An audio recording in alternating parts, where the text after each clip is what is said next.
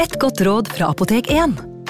Nå er snart pollensesongen i gang, og et godt råd til deg som sliter med pollenallergi, er å begynne behandlingen i god tid før allergisesongen starter. Da får du nemlig enda bedre effekt av legemidlene, og så blir ikke våren din helt ødelagt. Kom innom og få råd på ditt nærmeste Apotek 1, eller chat med oss på apotek1.no. Apotek 1 vår kunnskap, din trygghet.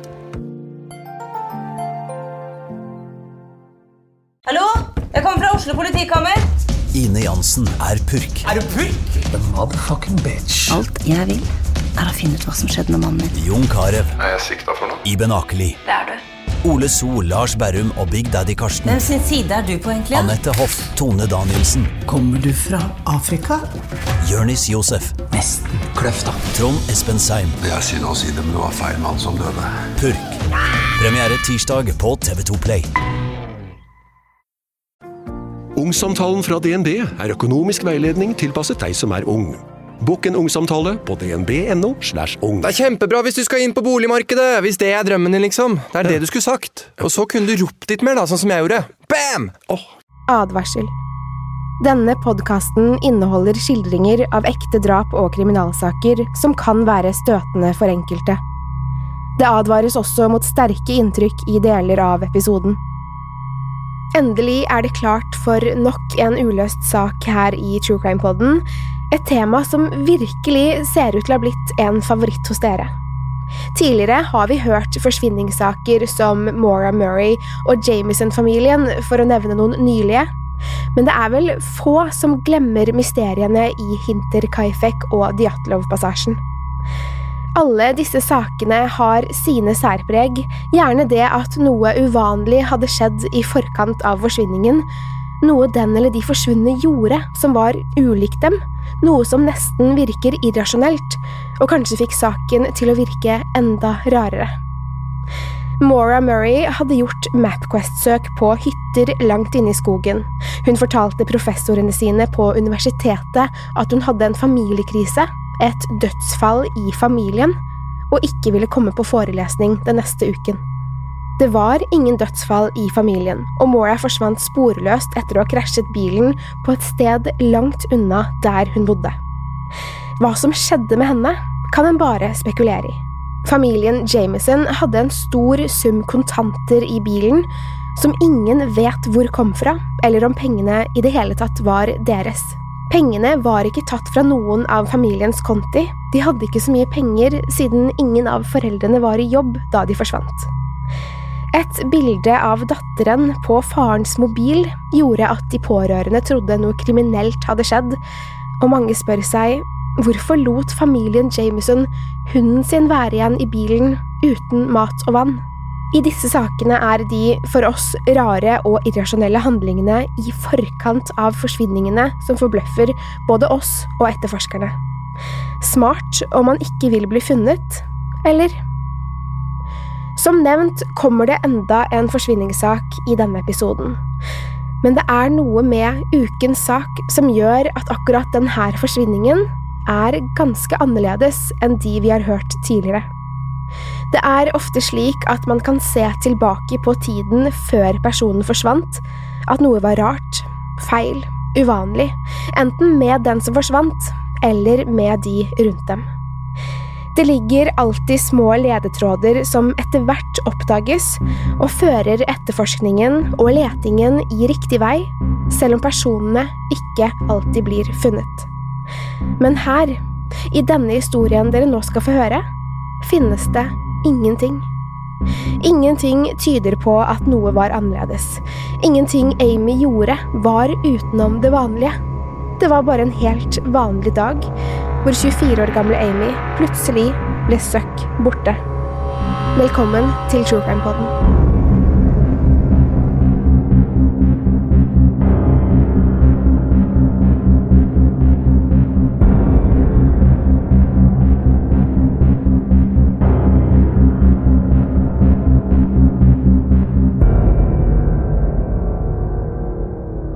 Amy Roe Bechdel ble født den 4. august 1972 i solfylte Santa Barbara, California.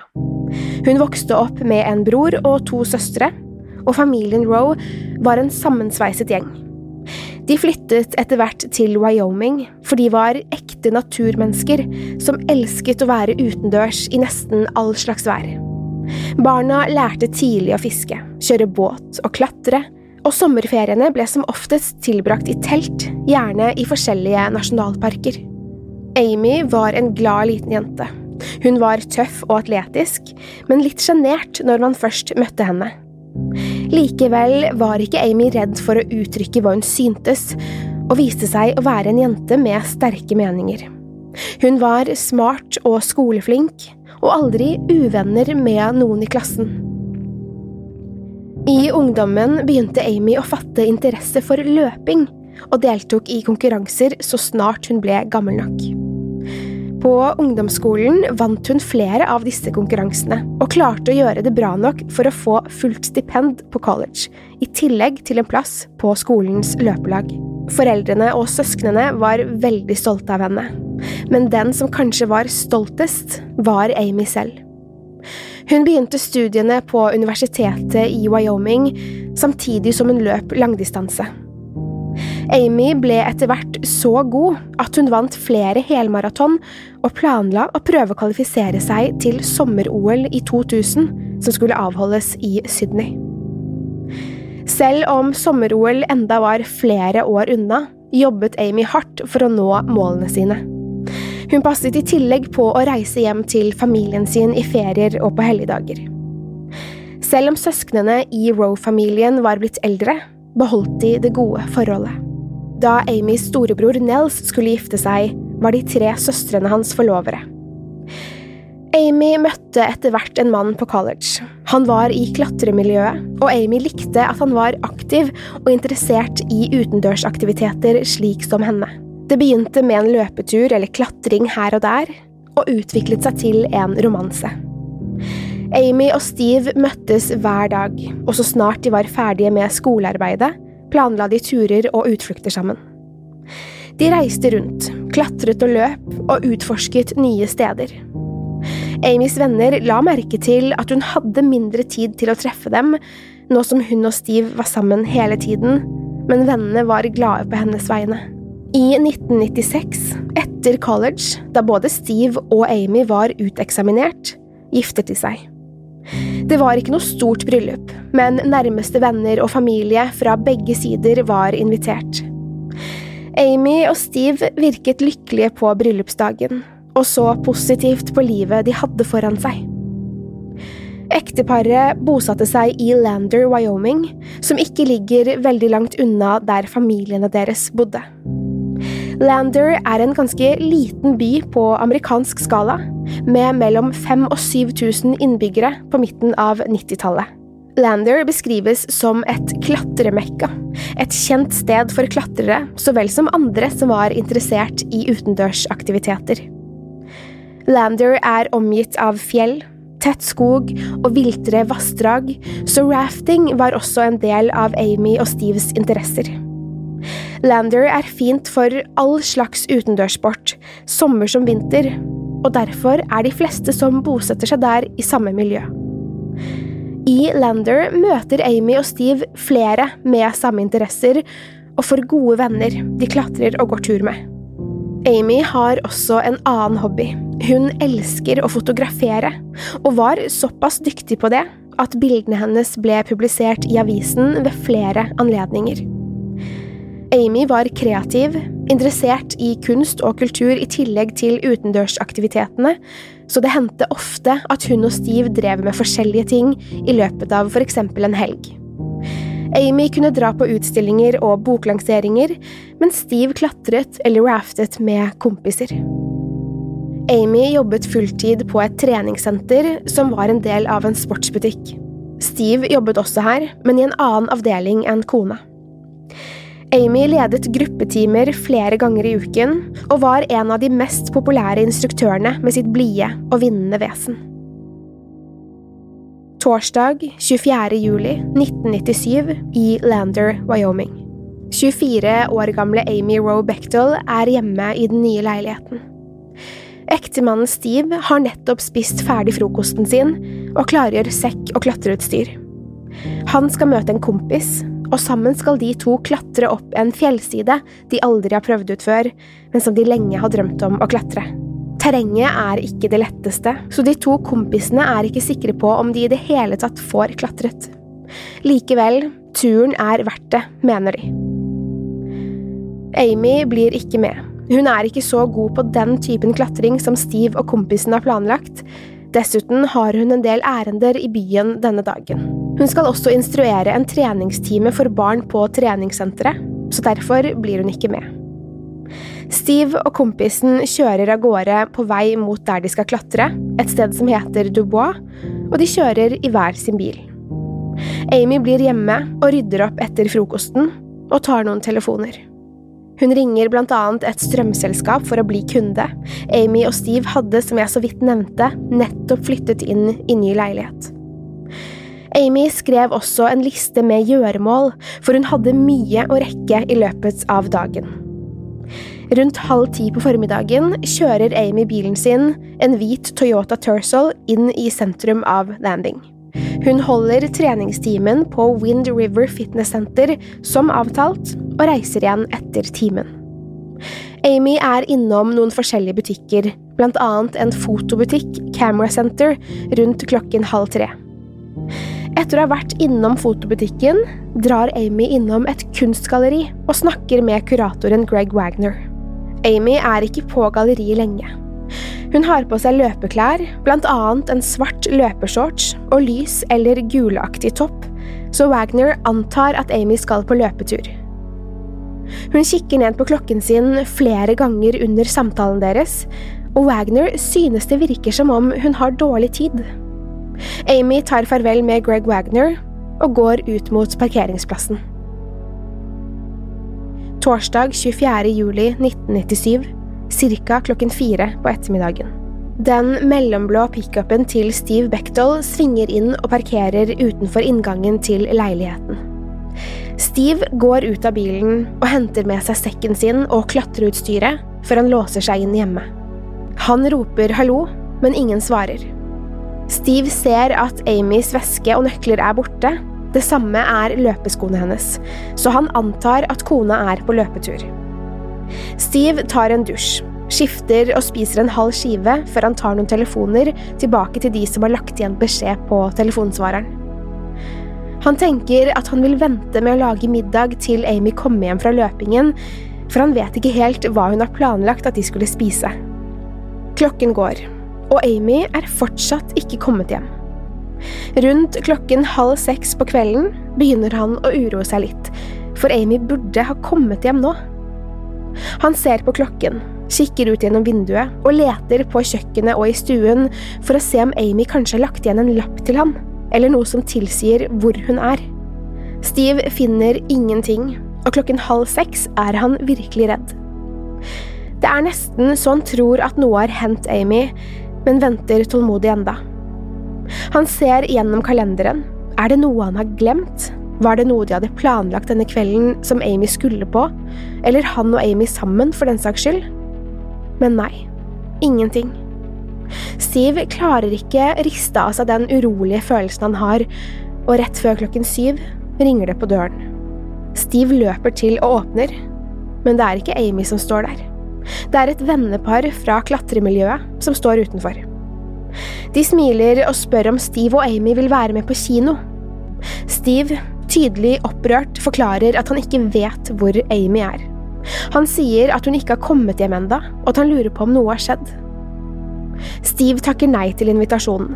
Han vil heller vente hjemme i tilfelle Amy kommer. Venneparet drar og ser kinofilmen de hadde planlagt, og i mellomtiden ringer Steve Amys foreldre. Det er Amys mamma som tar telefonen og hører med en gang at det er noe. Steve spør om Amy er hos dem, og Amys mamma forstår ikke helt hvorfor han tror at Amy skulle være hjemme, for foreldrene bor noen timer unna med bil, og det var ikke naturlig for Amy å stikke innom dem uten å avtale det på forhånd. Mammaen blir urolig, for det er ulikt datteren å ikke fortelle hvor hun er eller hva hun skulle. Amys mamma blir redd Amy kan ha skadet seg på løpetur, eller enda verre, fått et illebefinnende og var hjelpeløs alene i skogen. Rundt klokken 23 Fortsatt uten tegn til Amy vil Steve ringe politiet. Venneparet som var innom tidligere, er tilbake fra kinoen, og når de hører at Amy fortsatt er borte, bestemmer de seg for å hjelpe til å lete. De reiser hjem og skifter, tar med seg telt, klær, mat og lommelykter og belager seg på å lete etter Amy hele natten. I mellomtiden ringer Steve nødnummeret og melder Amy savnet. Kvinnen som tar imot samtalen, reagerer på måten Steve oppfører seg, nesten som om han bestiller pizza, beskriver hun. Jeg har oversatt det Steve sa i nødsamtalen, og dette er ordrett det han sa. Hei, det er Steve Bechdal som ringer. Jeg eh, Jeg savner en person, og så lurer jeg på om dere har noen ekstra. Damen i den andre enden spør hva han mener med en ekstra, og Steve forklarer at han ønsker at en politibetjent kommer til han hvis de har noen ekstra på vakt. Damen på operasjonssentralen snakker med Steve og spør om Amys personalia, og hun pleier å reise bort så plutselig, og Steve svarer at dette er ulikt Amy, og at han er redd for at noe kan ha skjedd henne. Som vanlig i slike saker kan ikke politiet gjøre stort før det er gått 24 timer, men siden Steve ikke vet hvor lenge Amy har vært borte, avtaler de at hvis Amy ikke er kommet hjem neste morgen, skal han ringe politiet igjen. Når vennene kommer tilbake med passende utstyr for å lete i skogen midt på natten, er Steve lettere panisk, ifølge dem. Han er helt ute av seg, og de foreslår at Steve skal holde seg hjemme mens de er ute og leter. Det regner kraftig, og paret får med seg flere ut på letingen etter Amy. Amy og Steves venner leter gjennom hele natten. De drar mot skogen der Amy som oftest løper, Shoshone nasjonalpark, rett over 30 km fra leiligheten til Steve og Amy. De leter langs veien opp mot skogen, men været gjør at sikten er dårlig. De velger å kjøre helt opp til parkeringsplassen og jobbe seg utover derfra. Til deres store lettelse står Amys hvite bil parkert langs veien, der det er vanlig å parkere hvis man skal løpe eller gå tur i Shoshone. Vennene lyser med lommelyktene inne i bilen, men Amy er ikke å se. En av dem røsker i håndtaket, og bilen er overraskende nok ulåst. I bilen finner de Amys solbriller, bil- og husnøkler, samt listen med dagens gjøremål. Bilen ser helt vanlig ut, som om den er parkert der i den hensikt at Amy skal komme tilbake etter løpeturen. Den har ingen skader, og det ser ikke ut som om bilen er brutt opp selv om den var ulåst. En av vennene kontakter Steve og forteller at de har funnet bilen. Steve er fortsatt hjemme, og han har fått en kamerat på besøk. De to sammen reiser også opp til Shoshone og blir med på letingen. Steve virker lettet over å ha fått beskjeden om at Amys bil er funnet, men dessverre finner de ikke noe mer i løpet av natten. De roper etter Amy, går opp stier de tror hun ville ha løpt, og Steve og noen andre leter der han og Amy vanligvis ville ha løpt. Når solen titter frem neste morgen, er Amy fortsatt borte. På én side er de glade for at Amy ikke har skadet seg i skogen, blitt påkjørt eller lignende, men på en annen side er det urovekkende at hun er sporløst borte. Hun er som forduftet, og ingen forstår helt hva som har skjedd. Politiet setter i gang en etterforskning og tilkaller Røde Kors og andre letemannskaper i tillegg til politiet selv. Amys bror Nels og flere andre familiemedlemmer er på vei til Lander og nasjonalparken for å lete etter Amy. Søket som organiseres, er stort. Den første teorien er at Amy har skadet seg og ligger hjelpeløs i skogen, eller at hun har gått seg vill, kanskje hun har blitt angrepet av et dyr. Det finnes både bjørn og puma i området. Men selv om det sjelden rapporteres om at mennesker har blitt angrepet av rådyr, kan ikke den teorien utelukkes. Ingen tenker at noe kriminelt kan ha skjedd. Ikke i starten, i alle fall. Menneskene som leter etter Amy, er skogsvakter, hundeførere, erfarne klatrere og guider, som alle kjenner området godt, og flere av dem kjenner også til Steve, Amys mann. Av de som forsvinner i Shoshone, blir de aller fleste funnet. Det er dog ofte nybegynnere og turister som ikke finner veien, som forsvinner her, og selv om Amy trolig kjente skogen godt, letes det på steder der man vanligvis finner de forsvunne.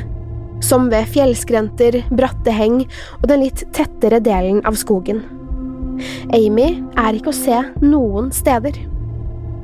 Politiet går gjennom Amys bil og ser etter noe som potensielt kan være en ledetråd, noe som forhåpentligvis kan styre dem i riktig retning. Det var ikke noe uvanlig i bilen, ingenting som tydet på kamp, innbrudd eller at noe annet hadde skjedd der, selv om politiet syntes det var litt merkelig at bilen ikke var låst. Ingenting så heller ut til å være stjålet i starten, men én ting bet de seg merke i, og det var at Amys lommebok var borte. Om hun hadde den på seg da hun løp, eller om den faktisk var stjålet, er vanskelig å vite. I passasjersetet finner politiet Amys liste, den med alle gjøremålene. På listen blant alle tingene hun har gjort og krysset av, var det noe som tydet på at Amy hadde en plan med løpingen i Shishone. På listen står det, oversatt til norsk, piknikområde som start, over grusveien og 4,8 kilometer. Dette bekrefter at de leter i riktig område, og at Amy hadde noe hun skulle gjøre i skogen. Amy hadde nemlig planlagt et 10 kilometersløp i Shoshone senere på høsten, kunne Steve fortelle. Hun hadde snakket om at hun skulle til Shoshone for å måle opp løypen og sette ut markører så deltakerne ikke skulle gå seg ville. Trolig løper Amy på stien hun har målt opp, og letingen konsentrerer seg i de 4,8 kilometerne. Dessverre finner de fortsatt ikke Amy, selv om letingen trappes opp med hester, flere hunder og et helikopter med varmesøkende kamera til og med. Ligger hun ute i terrenget, vil kamera fange henne opp. Det eneste som fanges opp på kamera, dessverre, er dyr i skogen. Og selv om teorien om at hun kan ha blitt angrepet av rådyr fortsatt undersøkes, mener både politi og Røde Kors at det i så fall burde vært spor etter blod, eller enda verre, kroppsdeler. Ikke noe av dette blir funnet, og teoriene de startet med, virker mindre og mindre sannsynlige.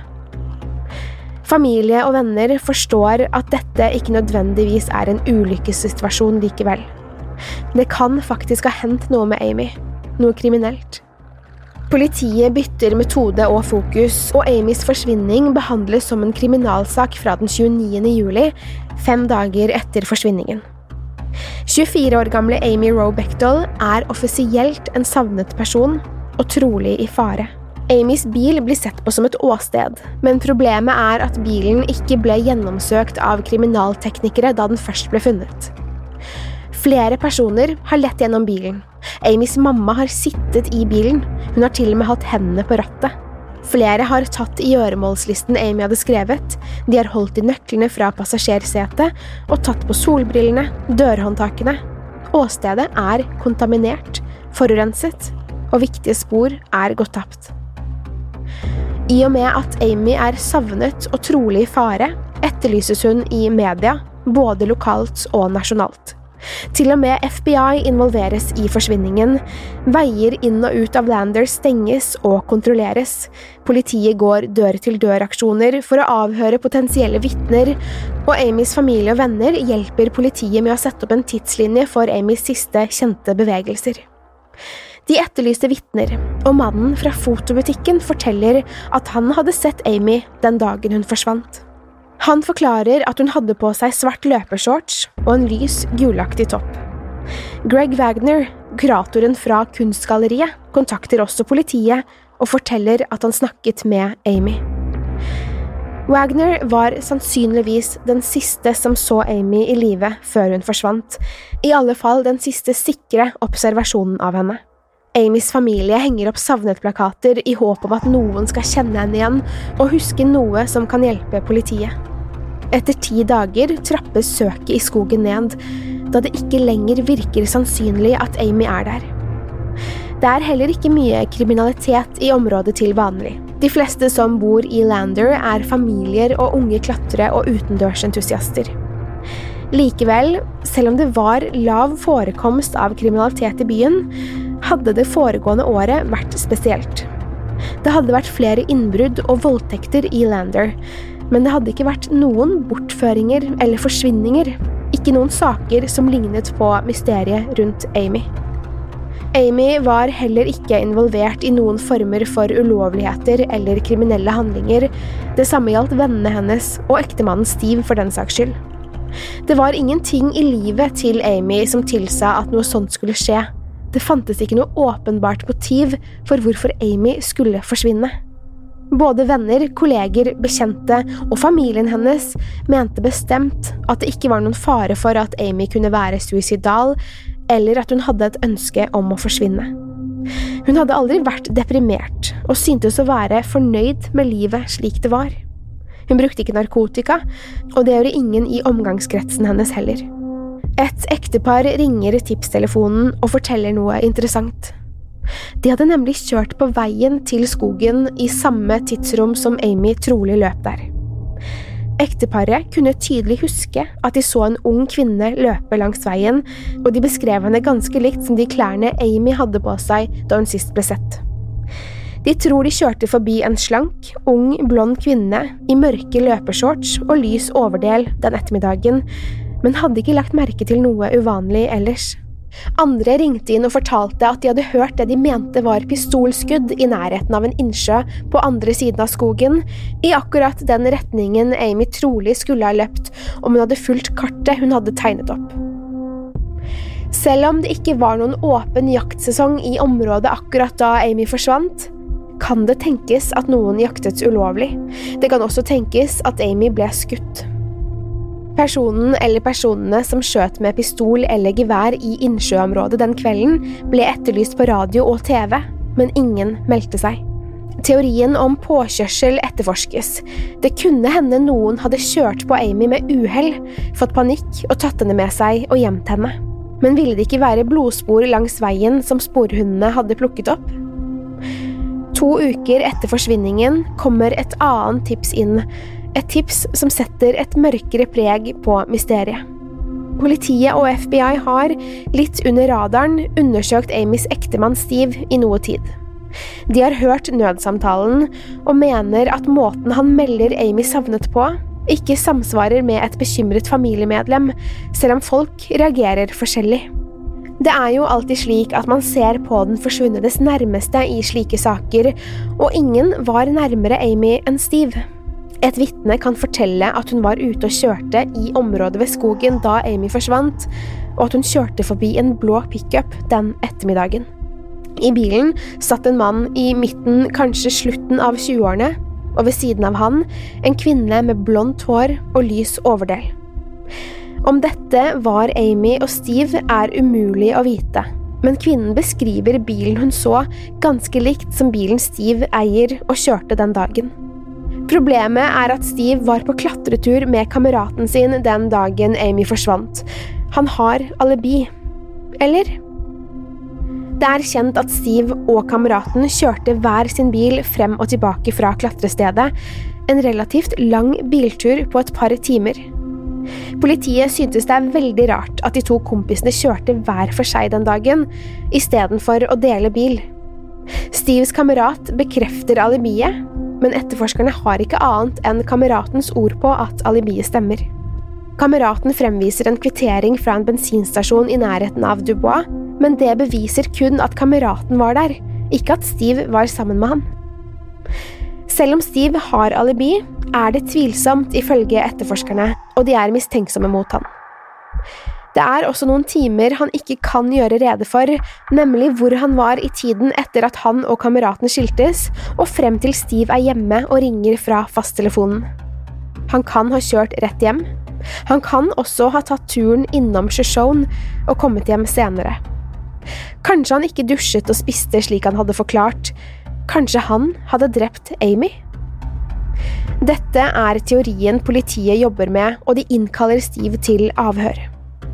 Han møter opp og svarer høflig på alle spørsmål. Idet de avslører teorien sin og stiller han mer kritiske spørsmål, virker Steve overrasket. Han sier bare jeg vet ikke hva jeg skal tro, Jeg vet ikke hva jeg skal si. Det virker ikke som om han vil være like hjelpsom lenger. Selv om det her heller ikke finnes noen riktig måte å reagere på, mener etterforskerne at Steve reagerer uvanlig. De fleste som blir konfrontert slik, blir sinte, rett og slett forbannet når de får vite at de er mistenkte, og ber politiet lete etter den virkelige gjerningspersonen istedenfor å kaste bort tiden på dem. Steve reagerer ikke slik, og det gjør dem enda mer mistenksomme. Han oppfører seg rolig, fortsetter å svare på spørsmål, men når de spør om han vil ta en løgndetektortest, vil han ikke mer. Han sier nei, og selv om testen ikke kan brukes i retten som bevis på verken skyld eller uskyld, ønsker etterforskerne å bruke resultatene av testen som en indikasjon på om Steve vet mer enn det han sier. Steve avbryter intervjuet og skaffer seg advokat. Politiet får likevel medhold i at de har skjellig grunn til mistanke, uklart på hvilke premisser, men det gjør at de får ransakelsesordre til Steve og Amys hus og Steves bil. Den 6. august 1997 klokken ni om morgenen banker de på døren og undersøker både hjemmet og bilen til Steve.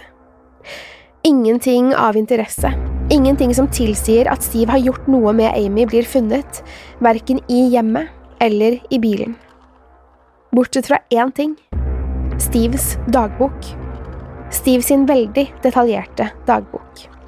Han har notert dato og klokkeslett for alle nedtegnelsene. Dagbøkene var gjemt, som om at han var redd for at noen skulle finne dem, og det var det kanskje en god grunn til. Selv om innholdet i dagbøkene ikke er offentliggjort, vet man noe om hva som sto der, og det var ikke pent. Steve hadde skrevet detaljert om vold mot kvinner, mørke fantasier og vold mot Amy. Steve fremstår som kontrollerende og aggressiv i notatene, ikke den rolige og avbalanserte mannen han viser familie og venner. Steve avhøres igjen, og han forklarer at notatene i dagbøkene kun er hans innerste tanker han aldri hadde tenkt å gjøre noe med. De var tekster til sanger han skrev, og noveller han ønsket å gi ut i bokform. Steve stiller også opp på TV-intervju, for flere finner Amys ektemann mistenkelig. I intervjuet får han spørsmål om han hadde noe med Amys forsvinning å gjøre. Steve ser rett på journalisten, nikker på hodet og svarer nei, nei, det hadde jeg ikke, før han slår blikket fort ned og ser mot sin venstre side. Dette øyeblikket fikk mange til å reagere, særlig på nikkingen, som såkalte løgneksperter mener er underbevisstheten som svarer, før hjernen responderer og svarer nei. Om det har noen rot i sannheten, skal jeg la være å spekulere i. Det samme gjelder det at Steve ser fort ned til venstre, som flere mener er et tegn på at han lyver, et såkalt tell på pokerspråket. Du skal få avgjøre selv, for jeg legger ut klippet på Instagram, så du kan se det flere ganger og gjøre deg opp en mening, om du synes slikt er interessant. På denne tiden er Steve blitt lei av alle avhørene, og han sier at han ikke kan hjelpe politiet mer. Han har ingen flere opplysninger å komme med, og vil ikke snakke med politiet lenger. I mellomtiden har Amys familie brutt all kontakt med Steve etter at de fikk lese dagboken hans. De er sikre på at Steve har gjort noe med Amy. Steve på sin side fortsetter å lete etter Amy med vennene sine, som alle slår ring rundt han.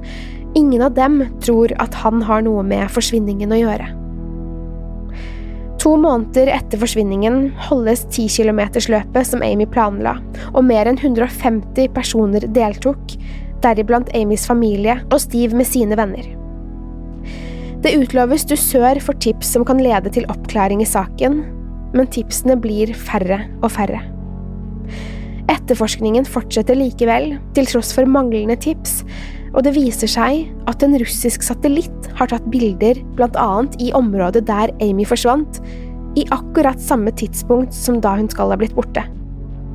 De kan ikke tro at de har sånn flaks, for bildene kan inneholde svaret på hva som skjedde med Amy.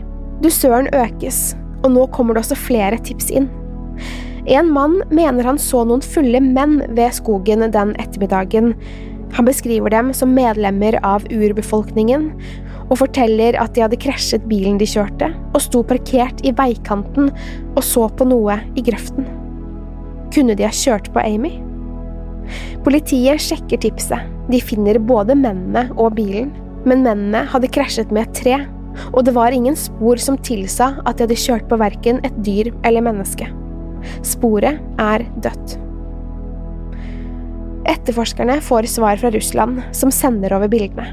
Dessverre er områdene ved Shoshone dekket med skyer, så de får aldri sett hva som faktisk skjedde på bakken, og hva som kanskje skjedde med Amy.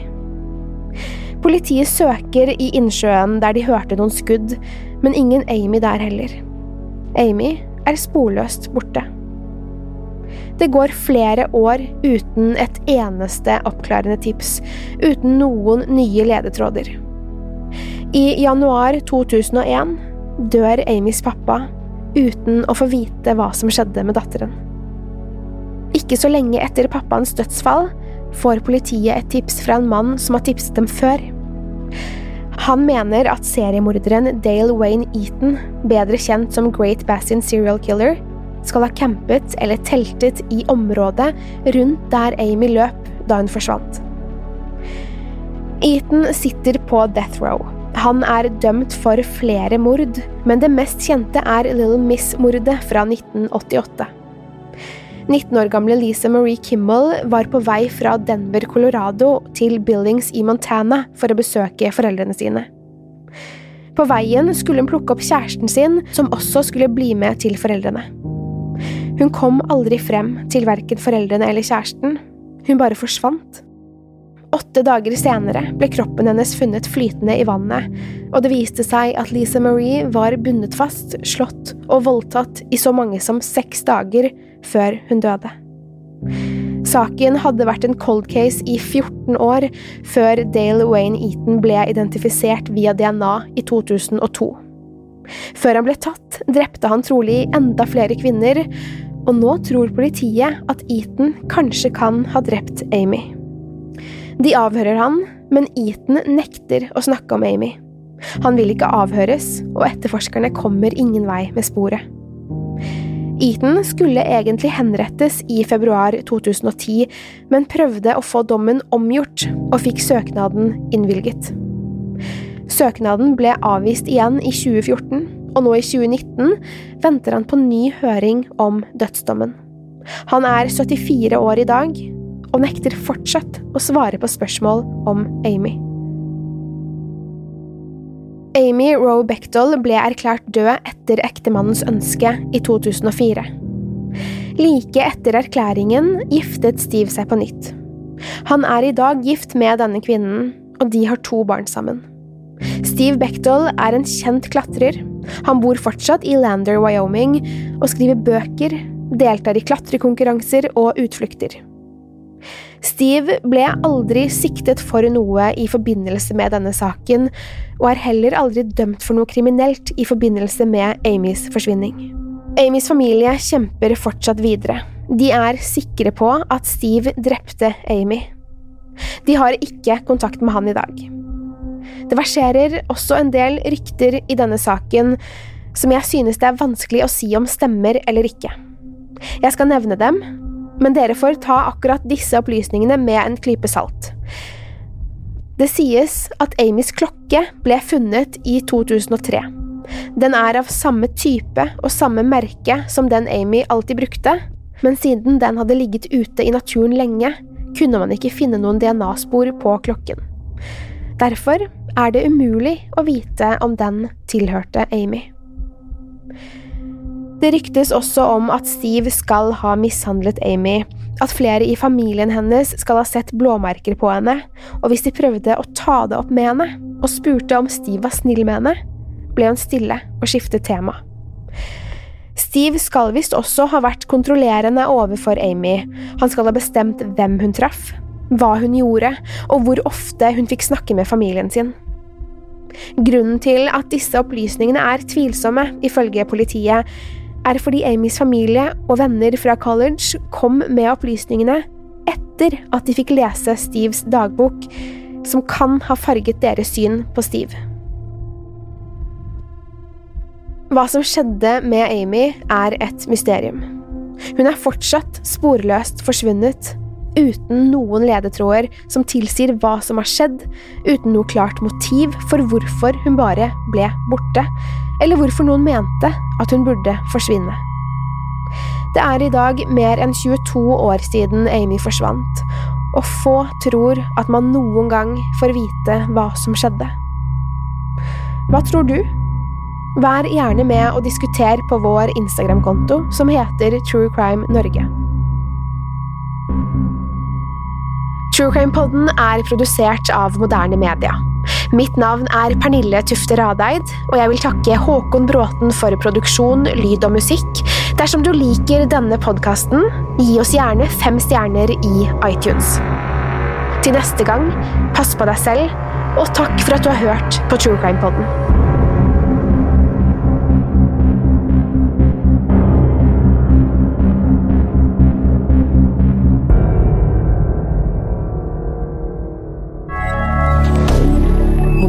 Media. Har du et enkeltpersonforetak eller en liten bedrift? Da er du sikkert lei av å høre meg snakke om hvor enkelt det er med kvitteringer og bilag i fiken, så vi eh, gir oss her, vi. Fordi vi liker enkelt. Fiken superenkelt regnskap. Hei! Takk for at du lytter til True Crime Podden. Skulle du ønske at du kunne høre en ny episode av denne podkasten hver eneste uke? Vel, da er det bare å laste ned podkastappen Untold med en gang. I tillegg til ukentlige episoder av podkaster som Skrekkpodden, Synderne og Henrettelsespodden, får du masse annet reklamefritt og eksklusivt innhold. Last ned Untold i AppStore eller Google Play, og start din 30 dagers prøveperiode i dag.